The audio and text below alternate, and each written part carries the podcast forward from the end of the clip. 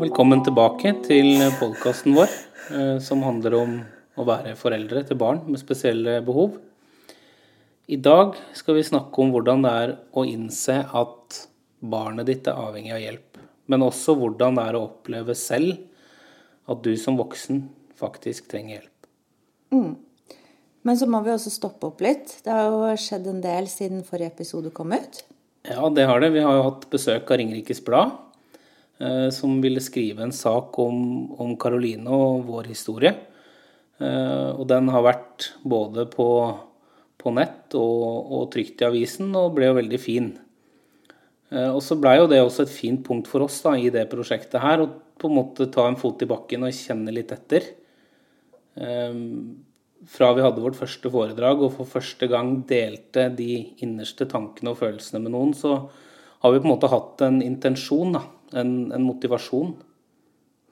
Ja, øh, og som du sier, så har jo intensjonen vært egentlig allerede fra første foredrag, eller ja, fra vi lagde Facebook-siden Vårt friske syke barn, at vi ønsker å gi Karoline en stemme, øh, en plass i verden. Og det må kunne være til hjelp for andre i samme situasjon så vokste det veldig på oss, det å dele, som vi jo har vært innom i, i tidligere episoder. Altså hvor, hvor meningsfylt det føles. Og, og, ikke minst så kan vi også si at det å sitte her i det eh, formatet her er jo nesten litt terapi for oss også. Mm. Eh, snakke om det, eh, dele og, og reflektere sammen. Det gir jo oss noe på et personlig plan så er det veldig hyggelig da, at noen faktisk lytter og kommer med masse fine tilbakemeldinger til oss og, og deler sine refleksjoner.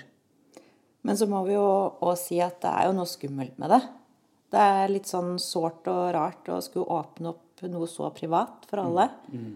Men jeg tror at alt det vi har erfart, og ikke minst alle kampene vi har kjempa, har jo gjort at det er viktig for oss å kunne hjelpe noen ved å dele den historien her. Ja, det å kunne hjelpe andre da, på et følelsesmessig plan, sånn rent personlig for de som hører på. Men kanskje også kunne hjelpe med helt konkrete erfaringer. Da. Hvordan får man hjelp, f.eks.? Hvor begynner man? Og så har jeg veldig ofte tenkt Men er dette her normal mengde hjelp, det vi ber om? Eller er vi annerledes? Og jeg tror jo nå, når jeg ser litt tilbake på det og, vi har den erfaringen vi har, så tror jeg det er utrolig viktig å ikke sammenligne seg med andre. Vår erfaring er i alle fall at alle familier er forskjellige og har forskjellige behov. Så det behovet du og din familie har, det er deres behov. Ikke la noen betvile det, og i hvert fall ikke systemet. Mm. Og så har vi etter artikkelen i Ringerikes Blad fått masse fine tilbakemeldinger. Så tusen takk til alle som har sendt oss eh, meldinger, både personlig og til Facebook-siden. Og så er det vel spesielt, Marita, én melding som, som, gjorde et veldig inntrykk på oss. Ja. Det var en mor som sendte oss en melding etter avisartikkelen. De er en familie som også er litt annerledes. Og det gjør jo et veldig stort inntrykk på oss når hun skriver bl.a. at det at vi fortalte om det her offentlig, gjør at hun ikke føler seg like alene. Det var eh, skikkelig rørende og fint å lese. Og så gjør det jo inntrykk på oss også å få høre andres historie. Så er det jo sånn at vi kan jo på mange måter sette oss inn i deres situasjon og følelser. Og kanskje da i større grad enn hva mennesker uten den erfaringen vi har, kan gjøre. Så jeg vil også si tusen takk da, til hun som sendte meldinga. Og så er det samtidig for oss en slags bekreftelse på at vi oppnår noe av intensjonen vår da, med dette prosjektet. Det å kunne si at hei, det at vi delte historien om Karoline, det bidrar faktisk til å hjelpe noen. Og det, det kjenner jeg det gjør meg utrolig glad. Mm. Og den moren her spurte jo også litt om hvordan man skal ta seg fram i møte med alle de forskjellige instansene. Eh, om vi har noen konkrete tips til hvordan man kan møte den motgangen da, som man ofte møter. Mm. Og det er noe vi har tenkt å belyse litt i denne episoden her, eh, men også i de neste episodene. Men før vi går videre, så er det jo også sånn at vi avslutta jo forrige episode Marita, med en mulighet for lytterne våre til å komme med spørsmål eller temaer til oss. Og det har kommet inn både spørsmål og temaer som lytterne gjerne har lyst til å høre mer om. Og noe av dette som kommer fram i meldingene, er jo ting vi, vi har planlagt for fremtidige episoder. Mm. Men uansett da, så kommer vi til å, å gå gjennom spørsmålene i slutten av episoden i dag. Og så heter jo dagens episode 'Hjelp'. Og akkurat det med hjelp, eller behov for hjelp, det kom tidlig inn i livet til Karoline. Og sånn er det å ha et annerledes barn. Det er litt som vi har vært inne på i tidligere episoder, at det kommer nesten litt sånn kasta på deg. Så er det jo også litt vanskelig da, sånn i utgangspunktet å tenke så langt tilbake og huske hvordan det egentlig var når behovet for hjelp begynte å melde seg for oss. Men akkurat her var jo arbeidet med foredraget og på en måte det bidraget inn i, i prosjektgruppa for brukere- og pårørendesenter i Ringerike, som vi var med på, veldig viktig. For da brukte vi en del tid på å sette opp denne tidslinjen da, på hjelpebehovet som vi har snakka om. Og først så har jeg lyst til å snakke litt om oss. Altså mamma og pappa i en familie som har et uh, annerledes barn. Og det er jo et sårt treffpunkt i mange faser underveis i barnets utvikling. For behovene endrer seg. Og ved å se det i perspektiv, så kan vi jo reflektere over hva vi var flinke til, og hva vi ikke var så flinke til. Det å ta vare på seg selv da, og hverandre, det er utrolig viktig. Men samtidig, i lys av hvor jeg står i dag, og hvordan jeg personlig har det nå, så erfarer jeg jo at det er det man setter sist. Det er det absolutt siste man prioriterer. Og det veit jeg gjelder deg også. Mm. Det er så mye annet da, som står først i køen. Barnet skal ha det bra. Søsken skal ha det bra familien skal ha det bra, og så skal man på en måte holde hodet over vannet da, i alle settinger man er i. Og da blir man sjøl nedprioritert. Og ofte er det kanskje ikke igjen energi heller til å ta vare på seg sjøl. Så vårt råd til alle dere i samme situasjon Sett dere ned sammen som to voksne og still dere spørsmålet høyt til hverandre. Hva med oss? Mm. Og så er det jo en del eh, tilbud til pårørende. Det er jo egne kurs og foredrag. Og vi har vært med på noen av de kursene og foredragene, og det har jo gitt oss noe. Mm. Men det har liksom også vært litt skummelt. Vi var jo i vår boble og kjente på det her med annerledeshet. Og så blir det også et spørsmål om tid. Hva skal vi ta oss tid til, og hva skal vi bruke den tiden vi har, eh, til? Og noen ganger så føles det jo nesten litt overveldende å skulle bruke sårt tiltrengt fri fra hverdagens kamper på å dykke ned i gruppeoppgaver og foredrag om det å være foreldre til sykt barn. Noen ganger når man har den fritida, så ønsker man bare å sone ut fra akkurat det der. Få en pause. Mm -hmm. Og selv om vi ser i etterkant at det er nyttig, så er det Vi syns i hvert fall det var vanskelig å prioritere når vi sto midt oppi det. Ja, det tror jeg er helt riktig, Marita. Og det er, måte, det er jo ikke noe fasit om man skal være med på sånne ting eller ikke. Men der må på en måte hver familie kjenne etter, da. Hva som er riktig for dem. Mm. Vi kan jo si at vi har underveis vært ganske flinke, du og jeg, til å ta noen avbrekk. Få litt voksentid. En hotelltur, eller rett og slett bare en, en rolig dag hjemme. Men lenge var det jo også sånn at når vi først hadde de her rolige dagene, da, eller avbrekkene, så blei man jo stressa av det. Altså, jeg blei litt stressa, du blei litt stressa, liksom tenkte ja, og nå må vi rekke det, nå må vi gjøre det. Mm. Eh, vi klarte liksom ikke å finne ro da, og lande, for vi ble så opptatt av på en måte hva skal vi bruke tiden til. Mm. Kroppen ropte stopp, ikke gjør noen ting, og hodet var sånn nå må vi utnytte den tida best mulig. Mm. Eh, så det blei en sånn indre konflikt. Jeg husker mm. vi noen ganger følte at vi bare kasta bort dagen på å sitte og stresse oss sjøl over hva vi burde gjøre. Ja, det er riktig. Og etter hvert som åra gikk, så var det også litt sånn at vi selv de avbrekkene der kunne være sammen i samme hus, men gjøre hver våre ting. Mm. For å nettopp dette med å ta vare på seg sjøl. Det er også viktig. Mm. Og det rådet jeg tenker vi kan gi, da, er som du sier, Still hverandre spørsmål, for da vier dere det jo plass. Og det neste rådet jeg vil gi, er eh, sosionom eller psykolog eller en, annen, en eller annen kvalifisert person da, som er utdanna på feltet, som du kan snakke med. Vi hadde jo i Karolines første år mange samtaler med sosionom på habiliteringsavdelingen i Drammen. Og har du barn med spesielle behov, så ta gjerne kontakt med de, for de er utrolig dyktige. Ja, så er det faktisk ikke så lenge siden jeg selv hadde en samtale med sosionom på habiliteringen. Ehm, fordi jeg kjente et behov for å reflektere rundt mine egne følelser med en, en fagperson da, som jeg veit har forutsetninger for å, å lytte og, og, ha gode refleksjoner med meg. Og i starten, frem til Karoline var sånn tre-fire år, så fikk vi jo mye hjelp av besteforeldre til å få de avbrekkene som vi har snakka om nå. Og de har vært veldig viktige for oss. Men vi var nok fortsatt ikke så flinke som vi burde ha vært da, til å ta mer vare på oss sjøl og øh, ja sette oss selv fremst. Mm. Men skal vi rett og slett konkludere litt rundt hva med oss? Snakk sammen. Skap dere avbrekk sammen, og senk krava. Det kan være at det er nok å bare være aleine sammen. Ikke stress.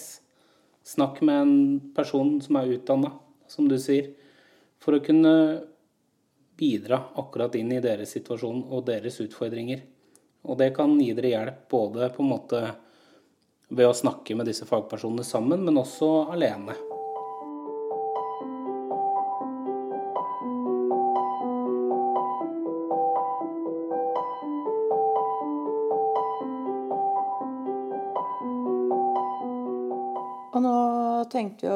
Prøve å snakke litt om hjelpa man får behov for. Det er jo et omfattende bilde å tegne bare med ord. Men du har delt opp litt for å prøve å gjøre det litt mer forståelig. Ja, det er som du sier, det er, det er mange grener av det med et hjelpebehov når du har barn med spesielle behov. Men jeg ser det egentlig litt sånn for å forenkle det og, og sette det i litt båser at vi kan dele det i fire kategorier. Nummer én er hva med oss? Det har vi snakket litt om nå. Nummer to er helsehjelp. Nummer tre er kommunal hjelp. Og nummer fire er jo Nav. Mm. Så tanken vår i dag var å si litt om de fire kategoriene. Det blir på en måte ikke noe sånn uttømmende forklaring og beskrivelse, for vi har veldig masse erfaringer med alt av dette her. Men, men kanskje klarer vi å skape et bilde da, av det totale hjelpebehovet, og hvordan man forholder seg til det.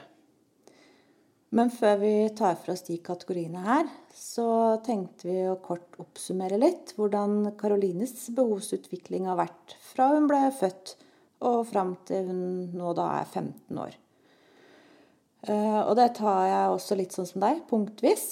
Og så snakker vi mer rundt de ulike tjenestene når vi tar for oss de kategoriene. Så er det jo en del tjenester og erfaringer rundt hjelpebehovet som vi så vidt bare toucher innom i dag. Men det vi kan si, er at noen av de store, tunge temaene innenfor dette med hjelp, f.eks. avlastning, og ikke minst kampen for å få det man både har behov for, og det man har krav på, det er noe vi kommer tilbake til i egne episoder framover. Mm. Så da starter vi, da. Når Karoline var eh, ca. et år, så handla det meste om eh, undersøkelser på sykehus, habiliteringsavdelingen, og akutte helsehendelser. Og der er det jo da også helsehjelpa som tar mye plass. Og så kommer den første kommunale tjenesten i form av fysioterapeut, og hjelpemidler kommer i hus.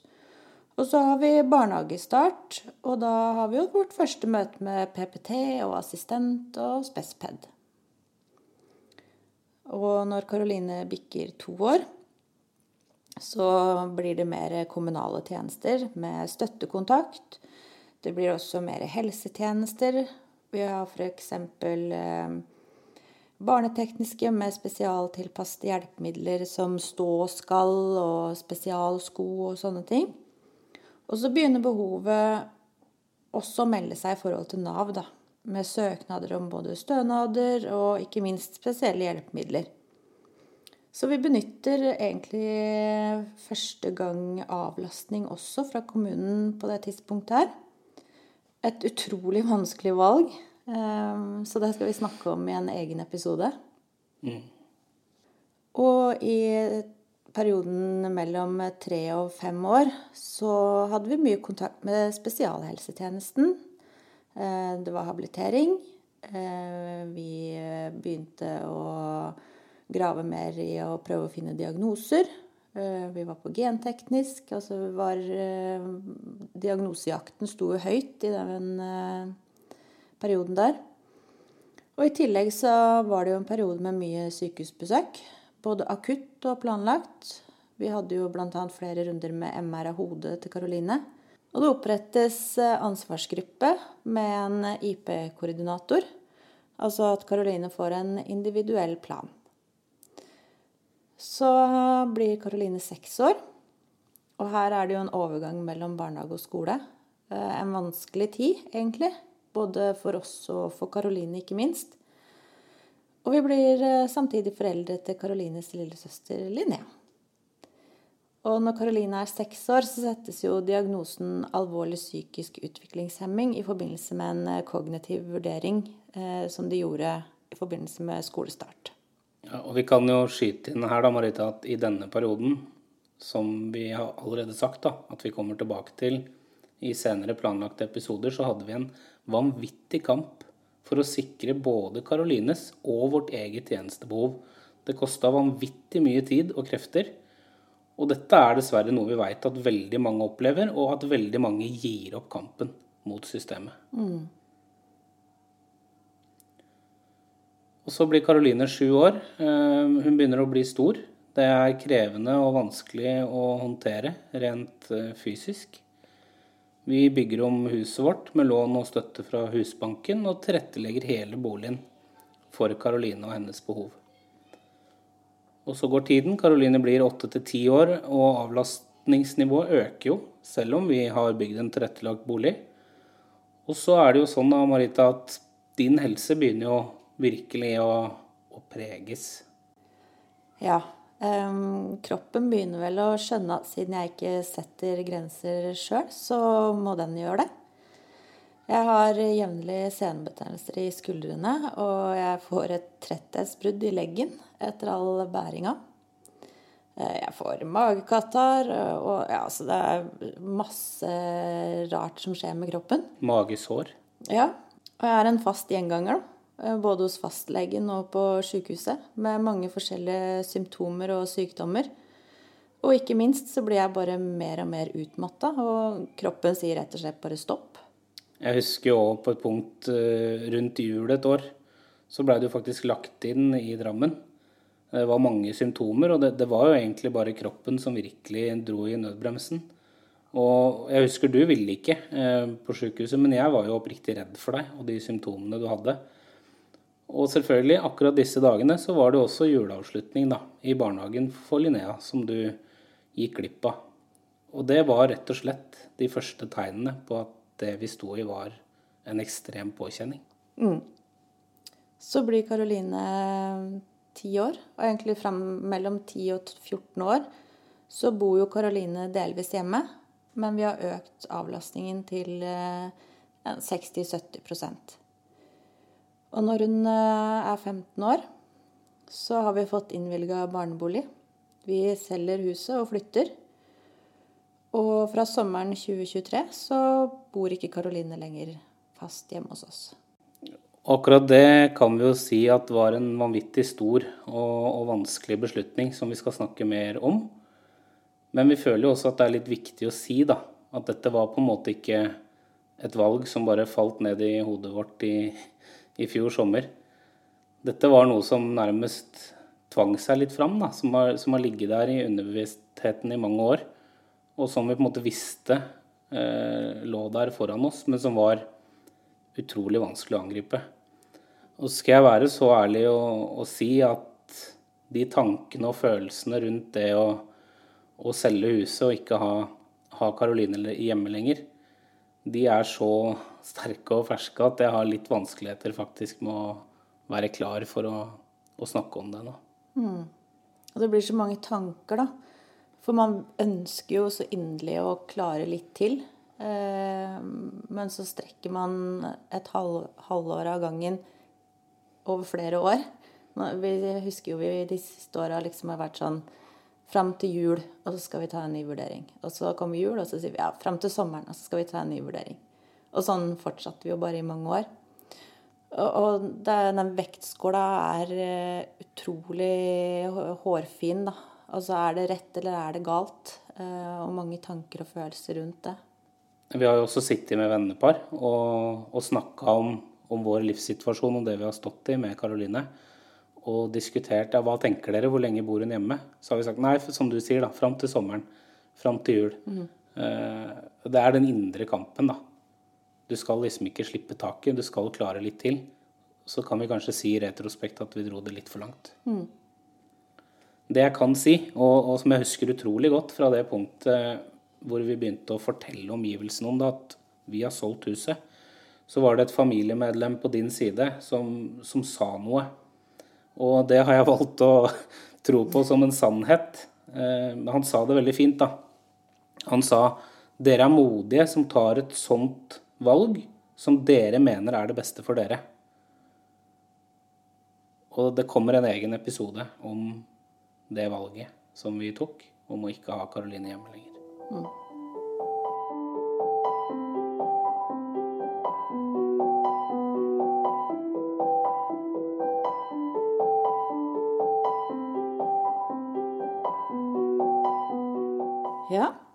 Det var en oppsummering av Karolines eh, behovsutvikling. Veldig kort og forenkla, men eh, for å få tid til andre temaer, så må vi være litt eh, harde der så er det jo sånn at hver enkelt av de tidsepokene vi har beskrevet nå med Karoline, det rommer jo så utrolig mye. Både, både, minner, men også veldig mange vanskelige kamper som har vært med å gjøre dette her ekstremt krevende. Mm. Og det skal vi jo definitivt komme tilbake til i, i senere episoder. Og så skal jeg nå da prøve å si noe om de tre siste av de fire kategoriene jeg presenterte i stad. Vi har jo snakka om hva med oss. Da står vi igjen med helsehjelp, kommunalhjelp og Nav. Og jeg tenker vi kan starte med helsehjelp. Det rommer jo alt som har med sykehus å gjøre, selvfølgelig. Men også Det er jo mye mer. Det er fastlege, det er spesialhelsetjeneste, f.eks. habiliteringsavdelingen. Og som vi har vært innom, her er det jo viktige tilbud. Eh, sosionom, psykolog. Men så bidrar de også mye i forhold til dette med diagnosesetting. Eh, men i tillegg også dette med hvordan barnet har det og hvordan fagpersonell som jobber rundt barnet, best mulig er i stand til å sørge for at barna har gode rammer rundt seg. Mm. Og eksempler på det er jo at avlastningsenheten der hvor Karoline er, der er de veldig flinke til å benytte seg av de fagpersonene som er på habiliteringen. Eh, de ber om veiledning eh, regelmessig når de føler at det er eh, hensiktsmessig både for dem og for Karoline. Og I tillegg så rommer jo helsehjelp og spesialhelsetjeneste, f.eks. barnetekniske, som vi nevnte litt i, i stad, som hjelper til med, med, spesialhjelpemidler som omhandler ben og føtter, da, rett og slett. Eh, her henvises man eh, fra sykehuset. Og, det er jo på en måte egentlig Det er hovedessensen da, i hva helse rommer. Den neste kategorien er kommunal hjelp.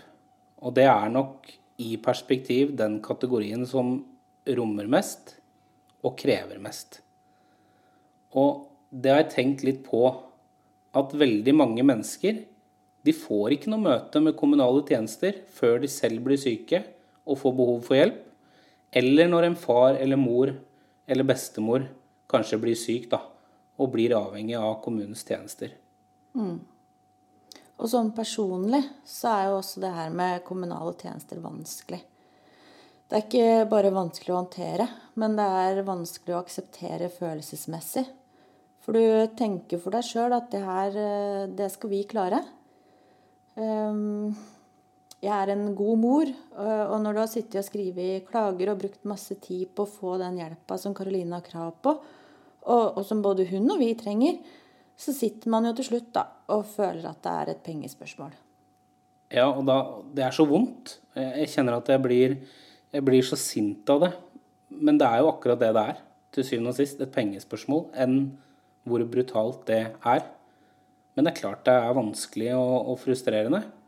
Og så er det det perspektivet at man egentlig her sitter og ber om hjelp som man ikke vil ha, hvis du skjønner hva jeg mener? Mm, man trenger, men man ønsker jo innerst inne egentlig ikke den hjelpa. Um, og det er en kamp, da, uh, mot seg sjøl å skulle be om den hjelpa, for det er så vondt. Det føles, i hvert fall for oss, så har det føltes litt som å gi opp. Og, og si sånn at alle hører det, at jeg er ikke flink. Jeg får det ikke til. Og så gjør det noe med deg å måtte sitte og finne frem papirer, dokumenter, epikriser, diagnoser på hvor sykt barnet ditt er. Det gjør noe med, med fokuset og tankene og følelsene. Altså, det er bare utrolig vanskelig å stå i. Mm. Det er jo, Man ønsker jo alltid å se det beste, de beste sidene ved sine egne barn. da. Mm. Mens vi blei tvunget til å sitte og leite fram de dårligste sidene. Ja, og det skjer ganske ofte. For det er klager, og så skal behov revurderes. Og så kommer du hele tiden tilbake til det at oi, hun er syk. Oi. Du leser disse diagnosene gang på gang på gang. Mm. Men det er jo mange andre tjenester eh, som faller innenfor kategorien kommunale tjenester. PPT kommer tidlig på banen i forhold til spesialpedagog, IP-koordinator, som du var innom. Eh, og så er det hjelpemidler, støttekontakt og ikke minst da avlastning og etter hvert barnebolig. Den siste kategorien er jo Nav. Eh, og det er jo også en, kategori helt for seg sjøl, eh, der vi tror veldig mange kjenner seg igjen. Det er jo f.eks. rimelig spesielt da, og frustrerende at hvert tredje år så må du dokumentere at Karoline hun har fortsatt utviklingshemming. Ja, hun ble ikke frisk. Nei, det, det gikk ikke over, gitt. Nei. Og dessverre har vi, som veldig mange andre foreldre, en, en god del dårlige erfaringer med Nav. Men Nav favner jo, for å si litt om, om, hva det favner, så er det jo hjelpestønad og grunnstønad. Uh, I tillegg til en del hjelpemidler som også omsøkes via Nav. Men akkurat når det gjelder hjelpestønad og grunnstønad, så er det en ting vi anbefaler at foreldrene som hører på og er i en krevende situasjon, leser seg godt opp på. For dere har krav på hjelp. Hmm. Jeg syns det var en fin oppsummering, ja. Um, I hvert fall så gir det et kort blikk inn i hvilke tjenester og behov da, som melder seg for eh, familier til barn med spesielle behov.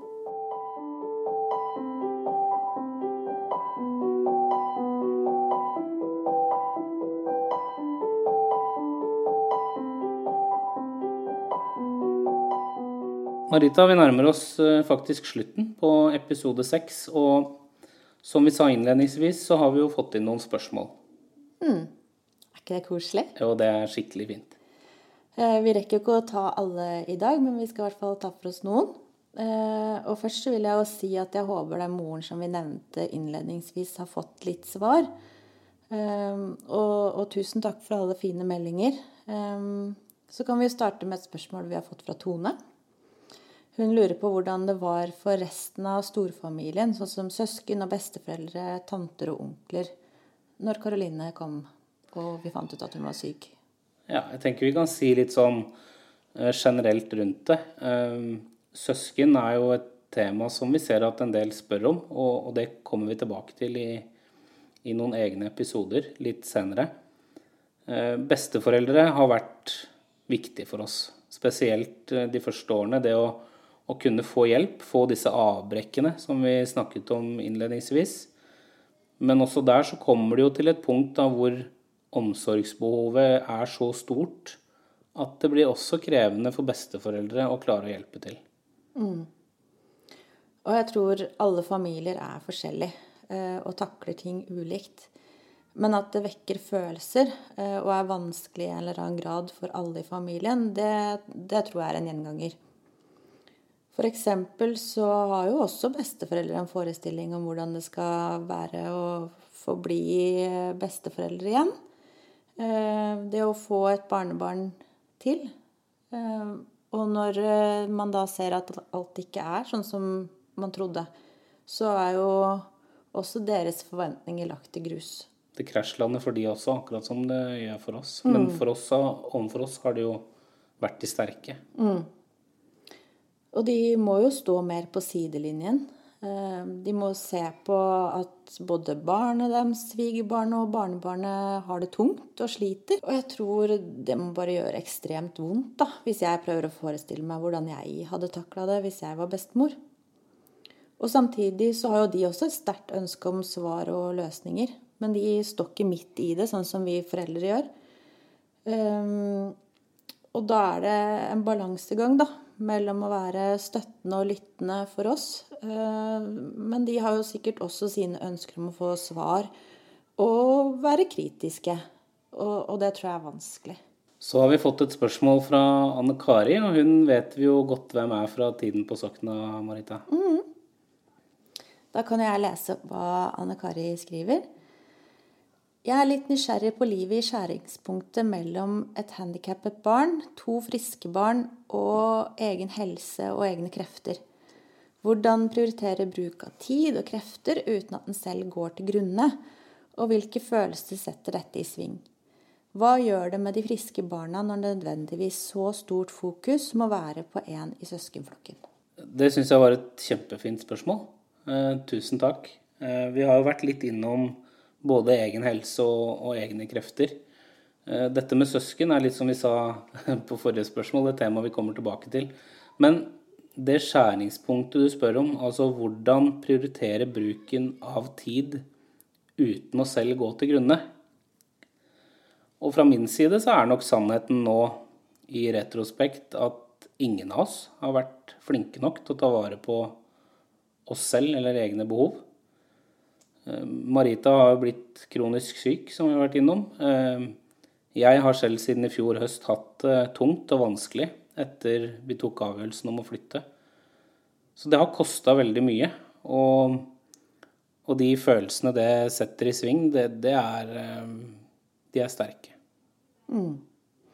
Og hvordan det påvirker resten av søskenflokken når man må ha så stort fokus på det syke barnet. Det syns jeg er et veldig fint tema. Eh, og det skal vi ta opp mer i senere episoder viet til søsken. Men jeg tror det er veldig viktig å være obs på at det kan skape både sjalusi og frykt. At søsken vet at det ene barnet krever mer enn det de selv gjør.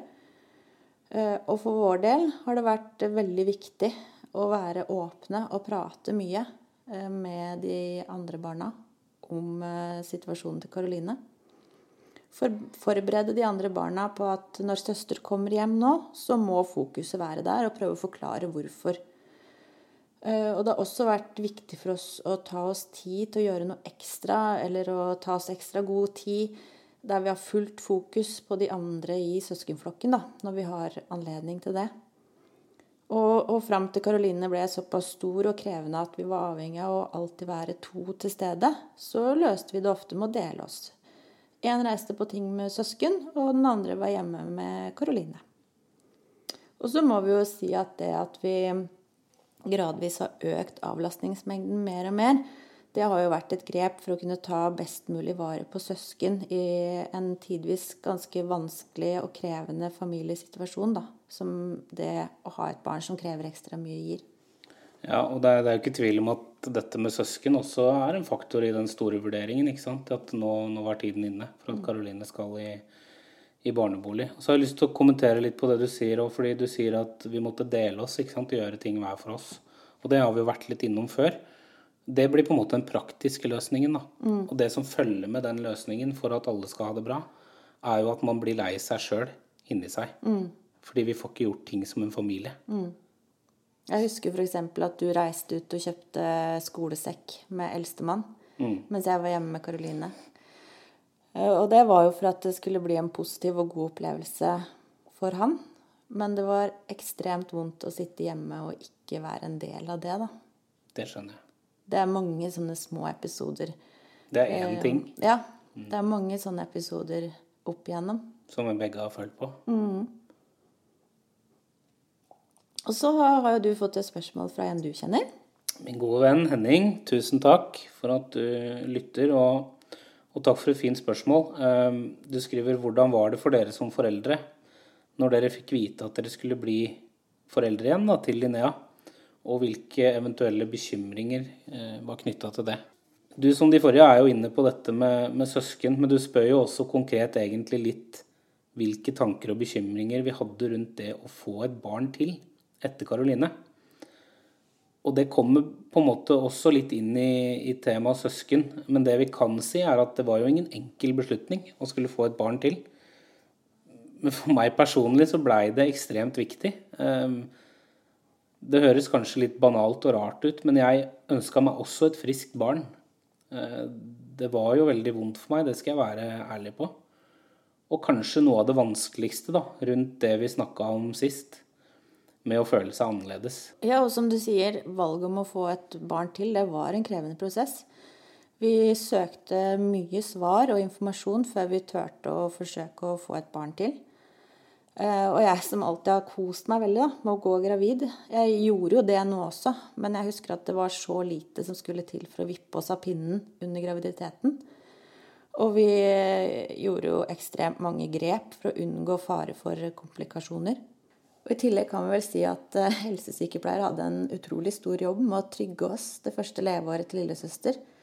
Vi satt jo hele tida og venta på å få bekreftelser på at alt var bra, og at utviklingen var som den skulle. Vi så vel ting som ikke var der, og i, i frykt da, for at dette skulle være et tegn på at det nå hadde gått galt igjen. Ja, det første året der var jo, som du sier, veldig preget av frykt. Jeg husker jo dag tre eller noe sånt hjemme, så satt jo du og ga melk i sofaen. Og for de som har hørt ambulansenatt, så har vi jo noen erfaringer knytta til det.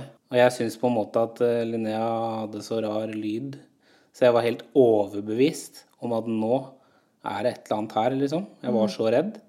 Og da husker jeg du bare sa Brenge, nå reiser du ut på butikken, og så handler du, og så kommer du tilbake. Ja. Men det, det, var rett og slett eh, ja, hva skal vi kalle det, et angstanfall. Jeg var mm. livredd for at det skulle skje noe. Mm. At det skulle være noe galt. Og den, det første året der, det var sånn. Eh, men, men, alt dette her eh, tenker jeg at vi skal ta litt grundigere for oss i seinere episoder. Med det så er vi ved veis ende. Vi har snakket om hjelp. Hjelp for de voksne hjelp til barnet og familien. Eh, vi har prøvd på en enkel måte å skissere opp hjelpeapparatet, behovsutviklingen vi har opplevd med Karoline. Jeg kjenner jo at det har vært en del følelser i, i sving i dag, men igjen, det føles veldig fint og meningsfylt å, å dele. Og fortsett gjerne å, å sende oss spørsmål. Mm. Så igjen, tusen hjertelig takk til alle som lytter. Og tusen takk for alle de utrolig fine tilbakemeldingene vi har fått etter saken i Ringerikes Blad. Og ikke minst tusen takk til avisa, da, som vier plass og oppmerksomhet til et tema som kanskje ikke kommer så godt fram i det offentlige ordskiftet, men som vi mener er veldig viktig å kaste lys på. Den takken fortjener de. Tusen takk. Neste episode blir en forlengelse av det vi har snakka om i dag. Den handler om kampen mot systemet, som vi kaller det. Kort fortalt så skal vi si noe mer om hvilke kamper vi har kjempet. Vi skal si litt mer om hva prisen for det har vært. Og det håper vi faktisk kan være en episode som når frem til politikere, kommuneledelse, de som virkelig bestemmer hvilket omfang av tjenester de barna som er svakest, får, og hva kostnaden er for mamma og pappa. Mm. Da sier vi tusen takk for at du lytter. Takk for at du lytter.